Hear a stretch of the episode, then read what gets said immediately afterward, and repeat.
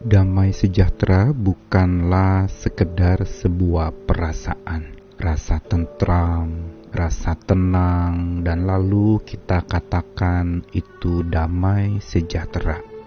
Tapi melampaui perasaan dan juga melampaui pikiran kita, damai sejahtera itu adalah sesuatu yang lebih. Dalam bahasa Yunani, kata damai sejahtera digunakan istilah eirene. Akar katanya dari eiro, berarti bergabung, menyatu, menjadi utuh. Dan itulah cikal bakal awal mula damai sejahtera bertumbuh. Bukan sekedar rasa-rasa atau emosi, bukan sekedar memikirkan, tetapi sesuatu yang memang diperjuangkan. Sesuatu yang perlu ada tindakan nyata menggabungkan yang tadinya terpisah mendekatkan yang tadinya jauh, mengakrabkan yang tadinya dingin dan tidak ada kehangatan. Damai sejahtera yang Tuhan ajarkan melampaui apa yang dipikirkan manusia, yaitu damai sejahtera kekal yang hanya bisa didapatkan dari Tuhan yang sudah bangkit itu. Saya Nikolas Kurniawan menemani di dalam Sabda Tuhan lagi hari ini masih dalam rangkaian seri instruksi-instruksi Yesus setelah kebangkitannya. Kali ini ada sebuah ungkapan yang memang tidak secara langsung disebut sebagai sebuah kalimat perintah. Namun di dalam pengungkapannya sesungguhnya Tuhan sedang memerintahkan Yohanes 20 ayat 19 sampai 23 Ketika hari sudah malam pada hari pertama minggu itu berkumpullah murid-murid Yesus di suatu tempat dengan pintu-pintu yang terkunci karena mereka takut kepada orang-orang Yahudi.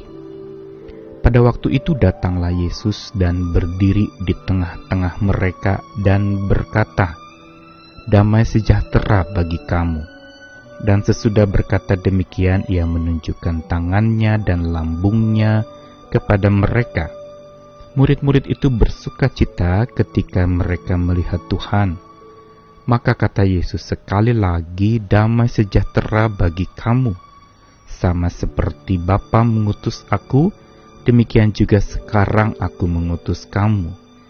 Dan sesudah berkata demikian, ia mengembusi mereka dan berkata, Terimalah roh kudus, jikalau kamu mengampuni dosa orang, dosanya diampuni, dan jikalau kamu menyatakan dosa orang tetap ada, dosanya tetap ada.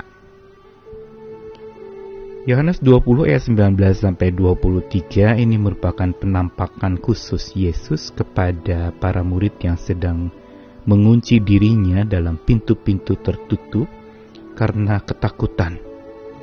Dan dalam keadaan ketakutan seperti itu berkecamuk perasaan di dalam diri mereka.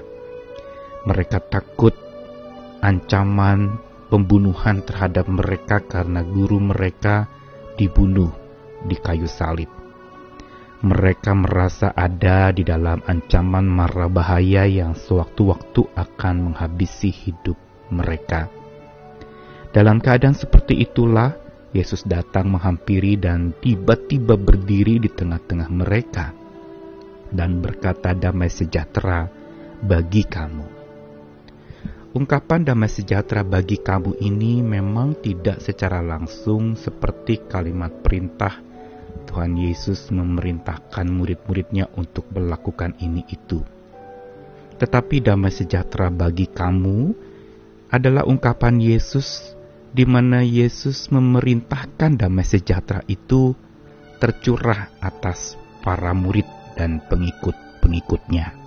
Sehingga ini merupakan sebuah kalimat perintah yang unik walaupun bentuk katanya bukan imperatif, tetapi ungkapan ini sekaligus menjadi semacam salam dari Yesus yang di balik salam itu ada sebuah perintah Tuhan agar damai sejahtera dari Tuhan itu memerintah dan memimpin hidup para pengikutnya. Para murid yang sedang ketakutan, yang sedang merasa terancam hidupnya, merasa ada di dalam mara bahaya yang membayang-bayangi mereka, ketika mendengarkan damai sejahtera bagi kamu, ini sebenarnya Tuhan sedang memberikan sebuah perintah yang keras dan tegas kepada damai sejahtera itu agar memenuhi hidup mereka.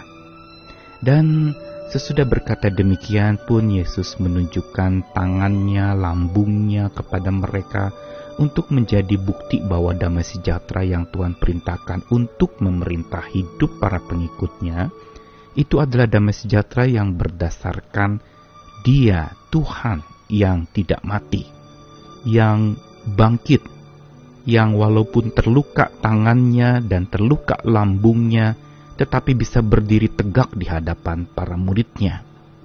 Ini damai yang dari Tuhan, bukan yang tanpa luka, tanpa sakit hati, bukannya damai yang tanpa konflik, tapi damai yang justru melampaui itu semua. Ada Tuhan yang hidup yang memerintah hidup setiap kita. Karena itulah murid-murid bersuka cita waktu melihat Tuhan. Dan kedua kalinya Yesus berkata lagi damai sejahtera bagi kamu. Kalimat yang sama, Tuhan memerintahkan damai sejahtera atas mereka tercurah. Tetapi kali ini diikuti dengan sebuah kalimat utusan sama seperti Bapa mengutus aku, demikian juga sekarang aku mengutus kamu. Ini merupakan langkah lanjut bahwa damai sejahtera itu bukan saja beralaskan Kristus yang hidup dan tidak pernah bisa mati itu, tapi damai sejahtera yang Yesus perintahkan untuk memimpin hidup setiap kita, pengikut Tuhan, adalah damai sejahtera yang memberikan otoritas yang memperlengkapi hidup setiap orang untuk menjalankan perutusan yang Tuhan minta untuk kita lakukan. Pengutusan untuk seseorang pergi dan membawa damai. Inilah sebenarnya damai sejahtera Tuhan itu bukan seperti hal yang begitu statis, hanya rasa, hanya emosi, hanya semacam ketenangan dan ketentraman, sunyi, sepi, tidak ada suara dan kita katakan damai. Tapi damai sejahtera yang Tuhan perintahkan untuk memimpin hidup para pengikutnya adalah sebuah damai sejahtera yang bukan saja agar para pengikutnya atau kita semua mengalami damai dan tentram itu. Juga bukan sekedar hanya berdamai dengan keadaan yang kita tidak bisa terima, yang kita masih sulit untuk memahaminya dan kita masih belum bisa berdamai dengan keadaan itu. Damai sejahtera yang Tuhan berikan itu justru menjadi bekal untuk seseorang pergi membawa damai, diutus membawa damai sejahtera itu dan membagikannya kepada banyak orang di mana pun berada dalam segala keadaan apa pun juga. Dan kalau sudah membawa damai, maka si pembawa damai itu pun harus menjadi pendamai. Hari ini dibutuhkan pribadi-pribadi pendamai, di mana pun dalam keadaan apa pun.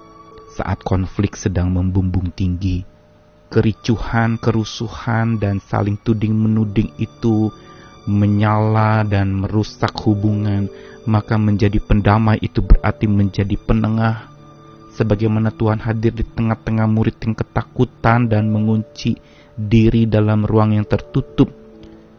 Damai sejahtera itu Tuhan curahkan kepada kita agar kita juga hadir di tengah-tengah konflik, di tengah-tengah orang yang sedang bermusuhan, di tengah-tengah orang yang sedang tidak punya hubungan yang baik, dan kita menjadi penengah, membuat mereka yang tadinya hidupnya tertutup menjadi terbuka dan hidup dalam damai sejahtera dari Allah dan menjadi penuh kasih kembali. Selamat hidup damai, salam damai, Tuhan mengasihi kita semua. Amin.